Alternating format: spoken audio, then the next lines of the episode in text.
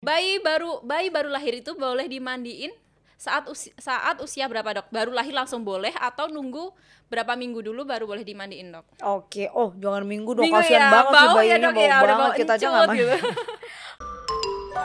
Sebenarnya gini bayi baru lahir kalau misalkan dia kondisinya bugar, Iya. bagus, oke, biasanya kita biarkan dulu jangan langsung dibilas dengan air mandi ya Oke. artinya seperti itu. Nah, nanti kita diamkan dulu sampai stabil karena kalau bayi lahir tuh biasanya kan eh, mungkin mams eh, pernah lihat atau kalau mungkin babynya juga ada lemak-lemak tubuh Bener, ya. yang warnanya putih itu ya, Dok, ya? Yang warna Iya. putih-putih itu justru penting buat bayi untuk kehangatan Oh, ya. oke. Makanya kalau bayi baru lahir kan pasti dia masih sensitif banget dengan yang namanya eh, suhu ya. Jadi Mm-mm. lingkungannya seperti apa. Benar, Makanya kita harus menjaga dia kehangatan dulu. Jangan langsung eh, apa namanya tiba-tiba kita langsung wah mandiin gitu juga Iya. jangan ya. Makanya didiamkan dulu minimal ya kita tunggu stabil misalkan 4 sampai 6 jam boleh kalau bugar atau mungkin 12 jam baru nanti kita mandikan. Oke. Gitu. Jadi jangan langsung baru baru lahir langsung, langsung dimandikan, dimandikan. Harus ada seperti itu. durasinya ya dok ya sekitar Mm-mm. 4 sampai 6 jam. Iya. Untuk suhu airnya dok yang aman untuk bayi baru lahir ini suhu Oke. airnya Kalau suhu air bayi baru lahir sepertinya ya eh, hangat ya, hangat itu hangat-hangat hangat itu kuku? hangat hangat ya hangat hangat hangat kuku ya. kuku, kira-kira iya. sendiri ya kita nggak ada yang Mm-mm. eh, literatur bilang harus berapa derajat gitu. Kalau misalkan memanaskan ASI kan ada nih 70 derajat Bener, gitu kan ya. ininya. nggak boleh mendidih gitu. Tapi Ada kalau misalkan air ya, Dok, ya. mandi, air mandi hangat biasa aja. Yang penting nyaman buat dia. Kita eh, celupkan tangan kita dulu kira-kira oh aman, oke, nggak terlalu dingin, nggak terlalu panas, kita cemplungkan. Cuman eh, kok catatan khusus di sini sih ya Mbak Bella itu eh, untuk bayi-bayi yang kecil karena kondisi bayi baru lahir kan kadang tidak sama ya. Benar. Eh, catatan bagi moms kalian adalah kalau untuk bayi-bayi kecil ya. Oke. Kalau bayi-bayi kecil itu orang bayi cukup bulan aja dia sensi terhadap suhu. Nah, untuk bayi-bayi kecil apalagi ya. yang Ema- prematur gitu ya dok Iya, b- prematur atau sebenarnya dia cukup bulan, Iya, tetapi beratnya kecil. Oke, Nah, jadi heeh. secara kalau prematur kan berarti dia lahir sebelum waktunya. benar Nah, tetapi kalau bayi lahir dia cukup bulan nih sesuai HPL, cuman badannya kecil banget. Beratnya tidak sesuai dengan berat eh, usia kan kehamilan. Nah, itu pun juga bayi kecil kan Iya. ya, entah dia prematur atau BBLR, bayi berat lahir rendah. Nah, itu pasti eh, lemak subkutan atau lemak kulit tubuhnya itu di bawah kulitnya itu pasti eh, sangat tipis ya, lebih tipis dibanding dengan bayi yang normal yang lain sehingga makinlah sensitif dia terhadap suhu. Nah, otomatis kita yang harus menyesuaikan untuk suhu airnya itu. Jadi lebih hangat, jangan sampai dia terlalu dingin. terlalu dingin Mm-mm. karena sensitif itu ya dok ya kulitnya ya Iya. Untuk waktunya, waktu yang tepat untuk memandikan bayi baru lahir itu mungkin pagi, subuh, jangan ya dok ya subuh ya.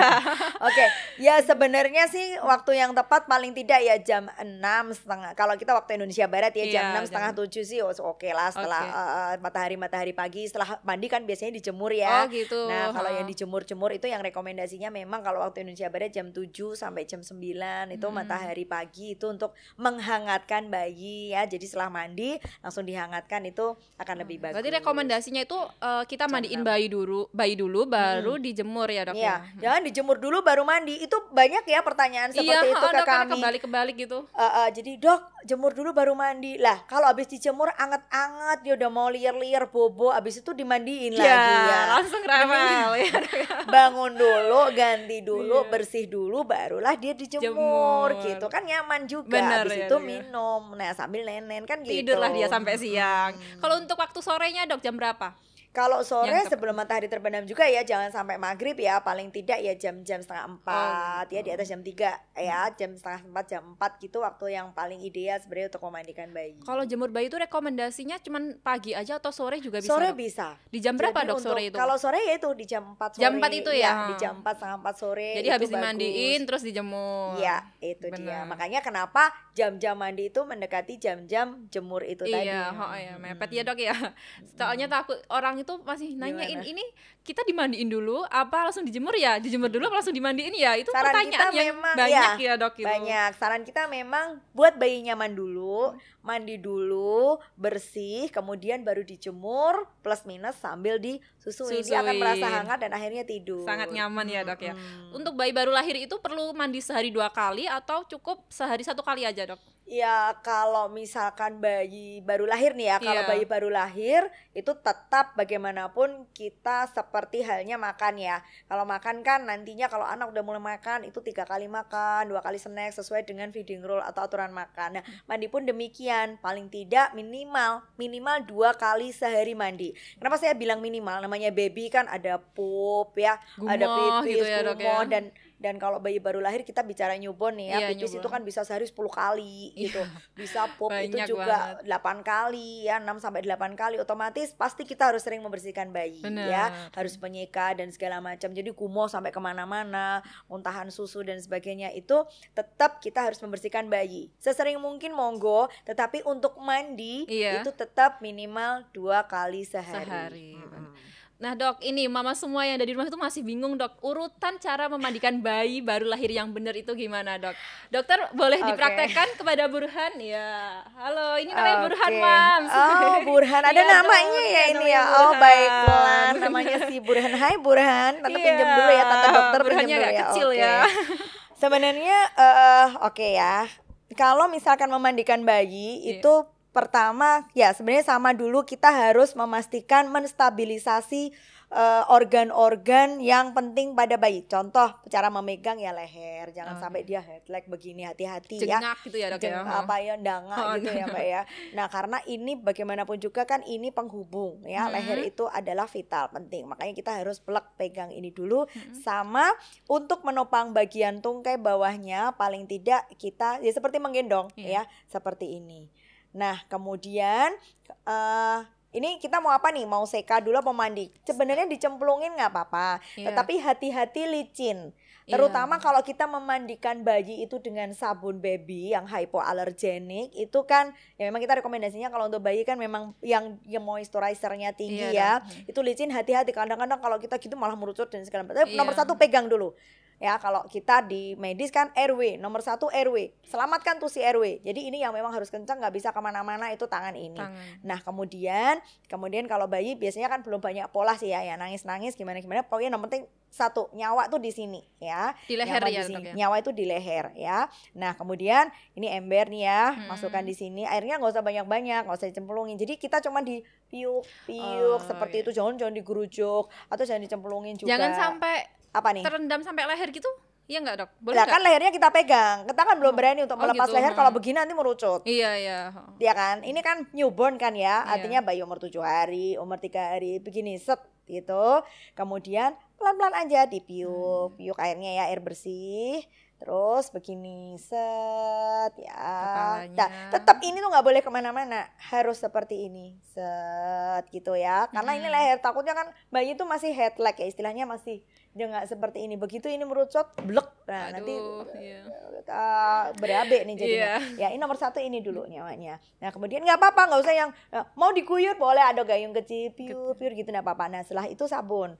Sabunnya begini kemudian begini nggak apa-apa gitu. Mungkin sekarang ada yang duduan bayi itu ya. Iya. yang seperti itu ya boleh-boleh aja tapi hati-hati eh, walaupun bayi belum belum apa namanya belum pola ya istilahnya Hmm. belum banyak bergerak cuman takutnya kan dia nengok-nengok nengok tetap ini jaga boleh sih ke yang ada ada kan ya Iya ada sandarannya bolong-bolong itu, juga. sandarannya iya. seperti itu Tetap harus dipegang aja. ya berarti dok. Heeh, tetap harus dipegang kalau misalkan ini sederhana bagi moms yang maksudnya tidak semua punya alat seperti itu Iya. sederhana aja sih nggak usah yang neko-neko Ember ember aja seperti lah ini gitu ya. ini terus kemudian tetap kita bersihkan ya maluannya kalau bisa yang bagian kemaluan memang kita tidak usah disabun ya. Hmm. ya. Kita lewatin sabun ya kita lewatin sabun dan selangkangan seperti ini seperti biasa keramas. Kalau bisa ya kalau mau pakai top tutu boleh ya. Mm-mm. yang ada sabun yang top Iya. tutu atau mau yang keramas sendiri juga monggo silahkan. Setelah itu dibersihkan. Kalau yang bagian bawah diguyur nggak apa-apa terutama yang seperti ini. Nanti kan tetap bisa.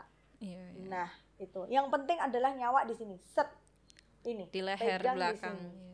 Ya kalau ini mau mau begini mau begini merucut merucut seperti ini tetap ini nomor satu Tetap aman ya dok ya kalau udah kita Aman. pegang di leher belakang. Mm-mm. Kalau misalkan belum berani sendiri, ya berdua dulu nggak apa-apa kerjasama sama mungkin eyangnya Hmm. atau mungkin suami gitu ya. Kadang-kadang sama-sama takutnya malah galau. Kalau home care dok, ada ya layanan home care untuk Oke. mandikan bayi itu? Mm-mm, boleh kalau misalkan layanan home care untuk mengajari memandikan bayi ada, Mm-mm. mungkin ada bidan atau perawat yang bisa mams panggil monggo dari rumah sakit atau fasilitas fasilitas kesehatan biasanya sekarang sudah ada Iya, yang uh, me- memfasilitasi itu sekaligus sampai puput pusar. Biasanya Oh, pada gitu. Jadi gitu, sekarang iya, iya. lahiran bayi monggo mau di mana saja itu ada layanan home care untuk ngajarin sampai merawat pusar sampai puput. Nah, setelah itu selesai tugasnya orang yang di rumah atau pengasuh eyang semua mama sendiri udah bisa, habis itu sudah selesai si home care. Biasanya ada Iya. seperti itu. Monggo kalau misalkan mau mau menggunakan uh, fasilitas ya. itu, pelayanan itu gitu. Intinya adalah ini. Untuk gitu. durasinya dok, durasi mandi, Mandi. baby itu Ya berapa kalau lama? durasi mandi paling tidak ya jangan lama-lama ya sekitar 10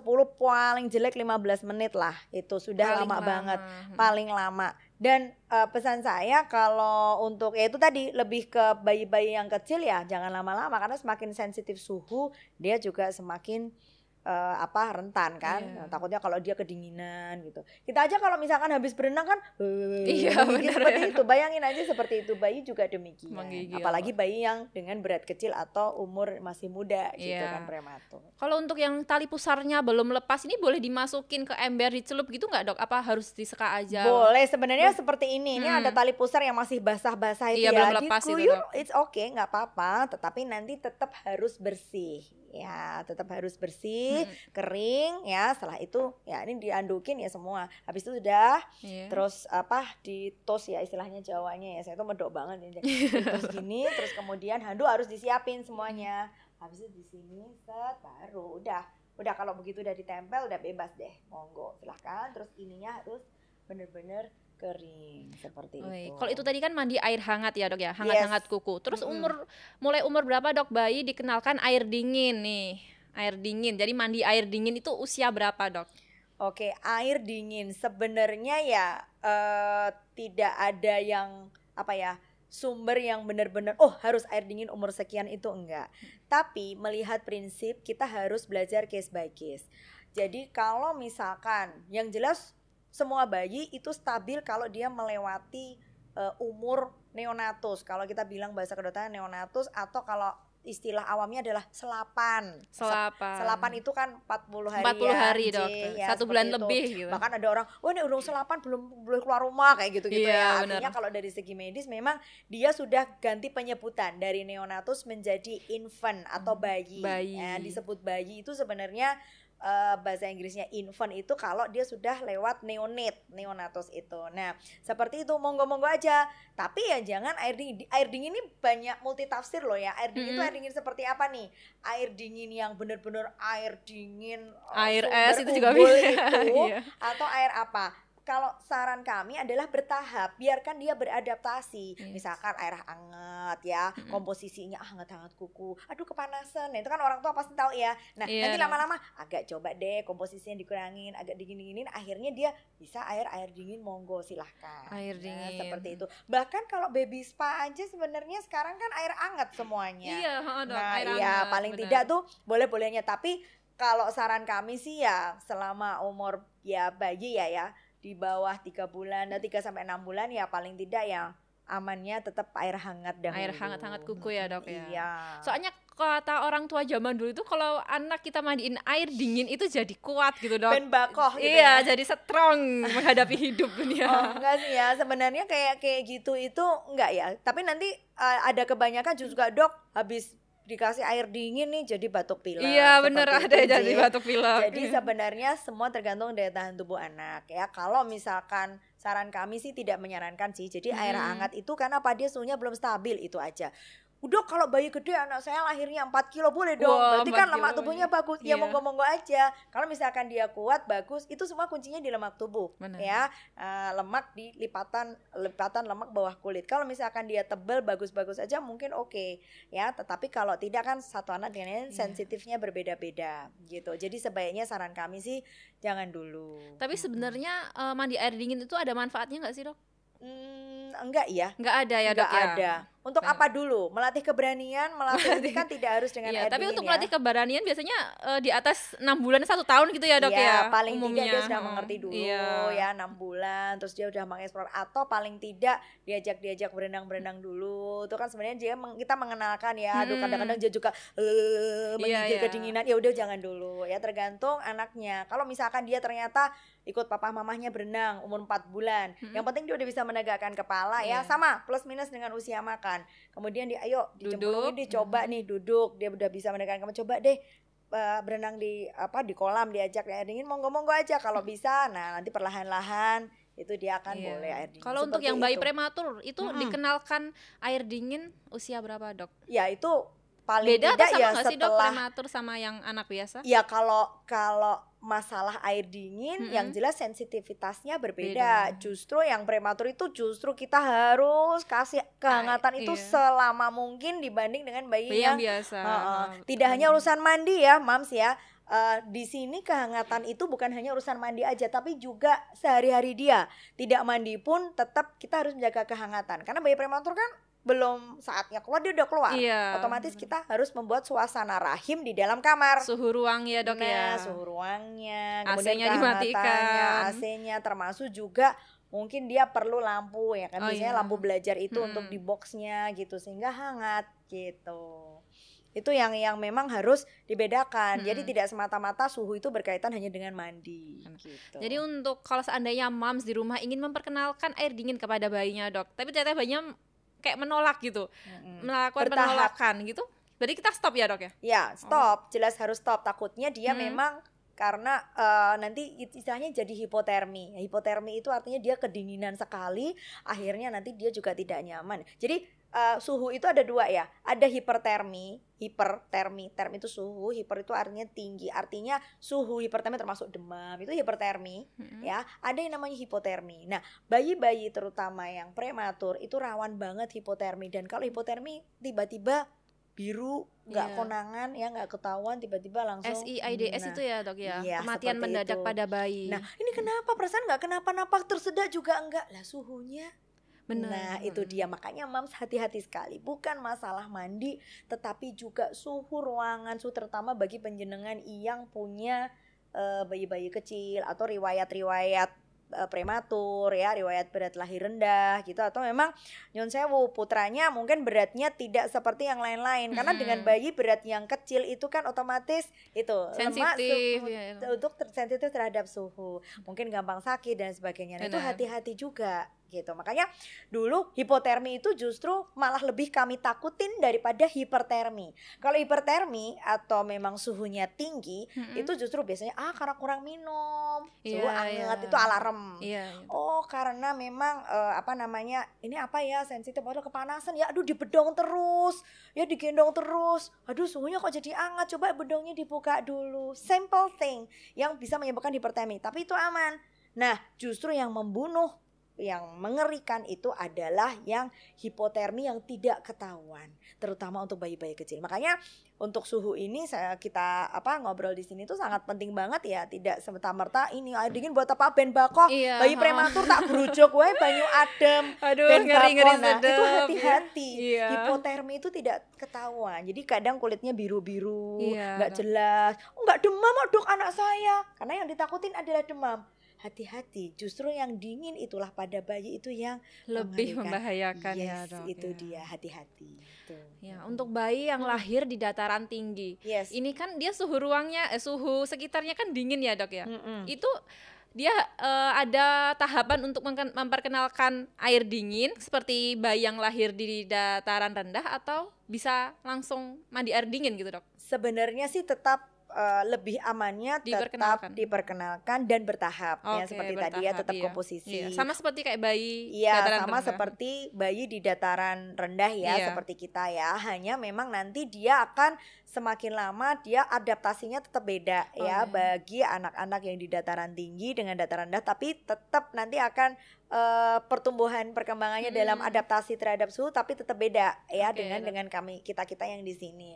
Cuman untuk tahapannya sama, karena kita nggak tahu ya sensitivitas neonatus itu tetap beda-beda, apalagi dengan riwayat bla bla bla macam-macam itu tetap kita perlakukan yang sama dulu baru setelah itu nanti kita lihat adaptasinya Tetap gitu. semua ada tahapannya ya dok. yes betul Betul. Mm-mm. Nah dokter, Mm-mm. air dingin eh air dingin. Mandi di suhu ru- ma- memandikan air itu membutuhkan suhu ruang nggak sih dok? Maksudnya memperhatikan suhu ruangnya. Hmm, oh jelas. Ya misalkan kita mandiin ember dibawa ke kamar gitu kan. Tapi AC-nya AC-nya dinyalain nyala, otomatis. anak ya. juga akan kedinginan dong. Nah itu yang nggak boleh Oh, yang nggak iya. bagus. Makanya tetap eh, suhu juga harus dimatikan kalau misalkan mau di dalam ruangan atau misalkan mau mandi di luar ruangan pada saat matahari sudah terbit ya Benar, mm-mm. hangat Iya, seperti itu baru hangat. dia mandi jangan sampai mandi subuh subuh pastikan dia juga akan kedinginan Berarti selain suhu air juga suhu ruangan yang perlu Ya, diperhatikan ya jadi dok memang ya. suhu air suhu ruangan dan nanti kita juga cek recek Oh, dengan iya. suhu bayinya Suhu bayi, badan bayinya ya dok ya apakah Iya. hangat gitu. Eh, mungkin moms pernah pengalaman ya bagi yang sudah pernah baby spa biasanya sekarang kan Mm-mm. anak dua bulan gitu baby spa Baby Nah, spa. Dok anak saya habis di baby spa kok jadi hangat ya. Sebenarnya itu bukan berarti suatu apa ya hangat itu sama dengan suatu penyakit. Hangat sama dengan demam yang merupakan suatu penyakit sesuatu sih sebenarnya tidak. Itu adalah adaptasi setelah anak baby spa kemudian dia merasa suhunya eh, memang kita pegang kok anget nggak apa-apa Hmm. nah itu nanti kita beri minum yang banyak kita oles dengan minyak-minyak telon seperti itu kita berikan kehangatan karena dia habis baby spa nih habis berenang Habis kan berenang seperti ya, itu Dok. nah nanti dia akan perlahan dia akan kembali ke suhu normal memang begitulah Walaupun mandinya pakai air hangat baby ya spa-nya tadi dok berenangnya. mandi air hangat tapi kan mungkin durasinya lebih lama daripada Iya. kita mandi Iya, Iya kan iya. sehingga mungkin dia juga aduh adaptasi kok aku lama banget nih gitu kan mungkin agak menggigil terus kan pasti beda dong Iya. durasi Berarti gitu. lebih sehat mana nih dok? Mandi air dingin atau air hangat? apa nih kalau untuk sehat kalau untuk bayi ya kita bicara suhu ya tetap lebih Air baik air hangat. hangat dahulu Oke. Tapi tetap ini kan dok, bayi itu diperbolehkan mandi air dingin. boleh Boleh, tapi, tapi- tetap harus eh, melihat kemampuan Kondisi. bayi kondisi bayi juga dan bagaimana respon bayi terhadap air dingin tersebut Oke, baik Mams. Jadi mandi air dingin diperbolehkan, tapi lebih ala- alangkah lebih baik jika mandi air hangat ya dok ya. Hmm, bertahap. Ada loh bayi dua bulan misalkan dia bagus sudah dimandikan dengan air dingin udah tak ajak berenang dok dua bulan monggo silahkan oh iya gitu, jadi memang iya. semua kondisi dan situasi tergantung dari masing-masing anak Oke, baik Mam semua yang ada di rumah mengingatkan kembali selain ada di YouTube, podcast bisa didengarkan langsung via aplikasi Spotify, Apple Podcast dan juga Noise. Jadi sambil gak usah sibuk-sibuk nonton HP sambil dengerin Ah, masak oke. gitu kan dok bisa. sip. Dokter Galuh terima kasih banyak ya dok ya sudah berbagi ilmunya kepada Mam semua yang ada di rumah sampai mempraktekkan kepada Burhan. Iya, hai Burhan ya, Hai Mas. Burhan ya. Baik, terima kasih dokter sekali Iya, lagi. Sama-sama. Sampai jumpa di episode selanjutnya. Oke, dadah.